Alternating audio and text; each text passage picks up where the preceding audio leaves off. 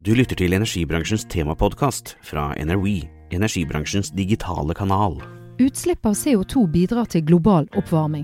Ifølge FNs klimapanel er menneskeskapte klimaendringer vår tids største utfordring, som kan føre til mer enn 200 millioner klimaflyktninger frem mot 2050. FNs klimapanel mener at fullskala CO2-fangst, transport og lagring er helt nødvendig for å lykkes i å nå Parisavtalens mål.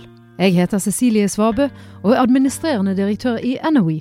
I en podserie på fire episoder ønsker jeg å lære mer om hvordan CO2-fangst, transport og lagring kan bidra til å redusere klimagassutslippene og menneskeskapte klimaendringer. Du lytter til energibransjens temapodkast med annonsørinnhold fra Fortum Oslo Varme, Equinor, Heidelberg Sement, Total, LO, Norsk olje og gass, Norsk Industri og NHO. Det prates mye om fullskala CO2-fangst og -lagring, men hva betyr egentlig dette? Det betyr i stor industriell skala, dvs. Si at vi tar 400 000 tonn CO2 per år. Eh, både fra eh, Fortum Oslo Varme, Klemetsrud-anlegget, og fra Norcem sitt anlegg i Brevik.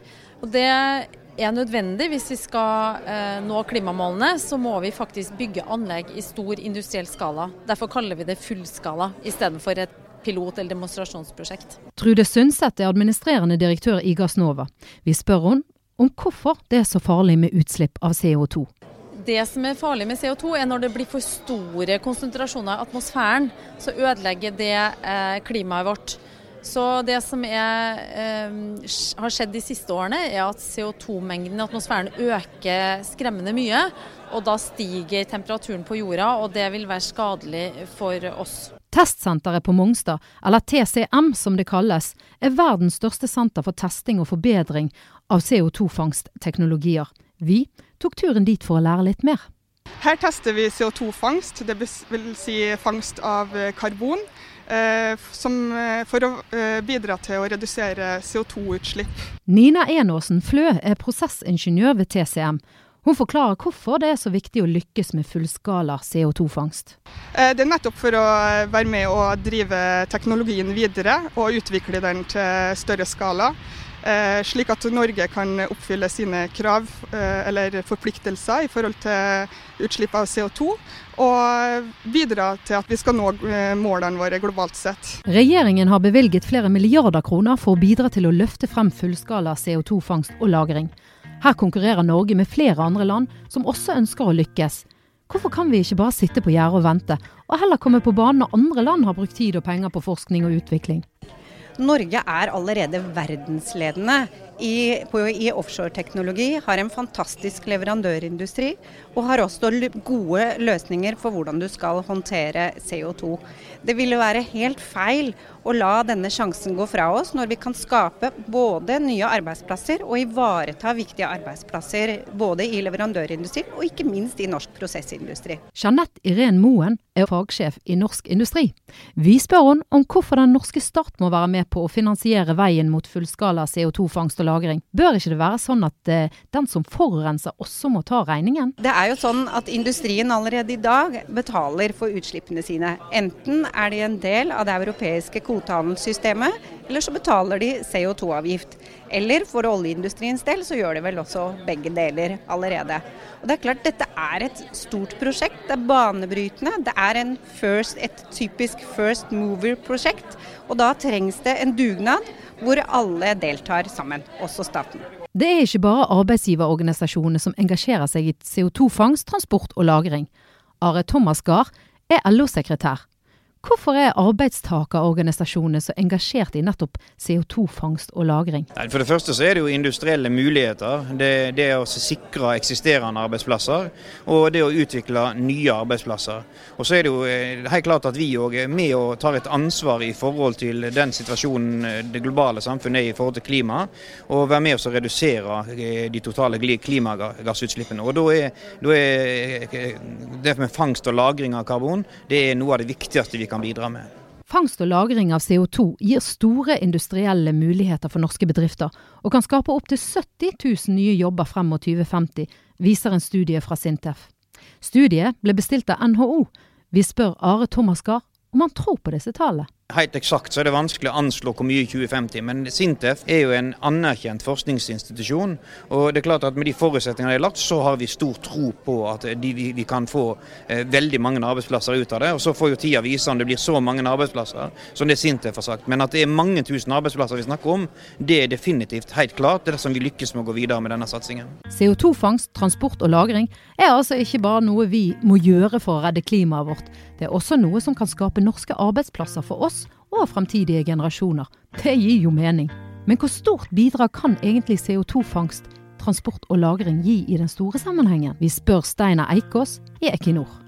Jeg tror eh, i Norge så har vi rundt eh, 50 millioner tonn CO2 som slippes ut årlig. Eh, og Det er relativt lite sammenlignet gjerne med Europa, fordi vi har en veldig elektrisk intensiv eh, energisektor. Vi, har, vi, bruker elektrisitet til oppvarming og matlaging, hvor de bruker gass i Europa.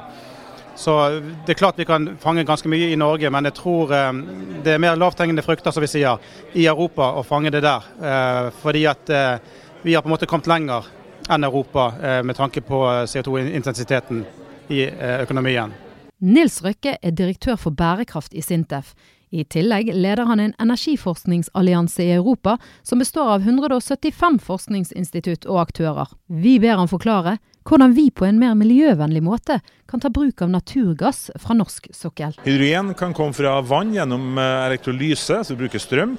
Eller vi kan bruke naturgass, som vi da uh, gjør om til en syngass og tar ut CO2 da får vi hydrogen fra naturgass. Hva kan vi bruke hydrogen til? Vi bruker til alt det vi bruker naturgass til i dag. så Det kan være til oppvarming, det kan være til industriformål, det kan være til transportsektoren og det kan være til kraftproduksjon, for å nevne noe. La oss stoppe opp litt. Solkraft og vindkraft vokser kraftig. Hvorfor kan vi ikke bare satse for fullt på fornybar energi, i stedet for å gå det mange kaller en omvei innom CO2-fangst, transport og lagring? Jeg tror det er fryktelig viktig at vi får enda mer sol og enda mer vind. Eh, men det går ikke raskt nok. Eh, og Da trenger vi også hydrogen. Og Da trenger vi hydrogen fra naturgass med CO2-håndtering. Det er en del av løsningen, og vi må slutte å snakke om hva vi skal gjøre først. Det er kjempeviktig at vi bruker alle de klutene vi har. Steinar Eikås i Equinor er enig. For det første bruker vi veldig mye penger på sol og vind, eh, og vi er vel en av de største offshore eh, i Nordvest-Europa per i dag. Eh, og vi har store ambisjoner for å vokse den sektoren eh, eksponentielt fremover. Så det er ingen tvil om at vi bruker mye penger på det. Men det er heller ingen tvil om at verden trenger mer enn sol og vind. For energisystemet er ganske komplekst. Sol og vind kan dekke det vi ser på som på de enkle sektorene. Men de virkelig tunge sektorene som i dag blir forsynt av fossil energi, trenger tyngre løsninger enn det elektrisitet kan tilby. Eh, og Der ser vi på hydrogen, ren hydrogen som en mulig energivektor for de sektorene. Vi tror at det vil ta mange tiår før teknologien vil være på plass, eh, før elektrisitet kan eh, dekarbonisere de sektorene. Med ren hydrogen så kan vi begynne på dette allerede nå. Nils Røkke forklarte at man kan bruke hydrogen til alt det vi bruker naturgass til i dag. I Europa brukes gass til å lage mat. Vi spør Steinar Eikås i Equinor om man også kan bruke hydrogen til matlaging. Ja, det, i dag så um, lager man mat i England eh, ved å brenne gass. Eh, og på samme måte kan man brenne hydrogen, eh, som vil gi samme effekt på matlaging, men eh, man unngår da CO2-utslippene. Så trikset er jo selvfølgelig da å produsere hydrogenet uten CO2-utslipp, og frakte det til forbrukeren. Eh, og Når det gjelder frakt til forbrukeren, så ser vi for oss at vi kan bruke det systemet, det, den infrastrukturen som er der i dag for naturgass, kan vi sende hydrogen igjennom. Eh, og Når det gjelder produksjon av hydrogenet, så ser vi for oss å lage det fra naturgass med CO2-fangst, og så lagre CO2-en, slik at hele kjeden vil bli ren. Hydrogen fra naturgass kan altså brukes til matlaging. Men hva med industrien? Vi har hørt rykter om et spennende prosjekt på en fabrikk i Nederland. Ja, Fabrikken du henviser til er jo en eksisterende gasskraftverk i Nederland, eh, som er på 1300 megawatt, som er et stort gasskraftverk. I dag brenner de gass. Eh, det vi ser på er om vi kan konvertere det anlegget til å brenne ren hydrogen istedenfor. Eh, mye tyder på at vi skal klare det. Det vil gi potensielle utslippsreduksjoner på inntil 4 millioner tonn CO2 per år, hvis dette går kontinuerlig på fullt hele tiden. Eh, det gjør det jo ikke. Disse gasskraftverkene de går når vi trenger strømmen, såkalt eh, strøm on demand. Eh, så omtrent halvparten av det ser vi for oss. Og rundt to millioner tonn CO2 kan vi spare ved å skifte fra naturgass til hydrogen. Men hvor mye er dette, hvis vi sammenligner med CO2-utslipp fra fossilbiler? Ja, det er vel eh, million til to millioner biler, avhengig av eh, hvor mye dette anlegget er i bruk.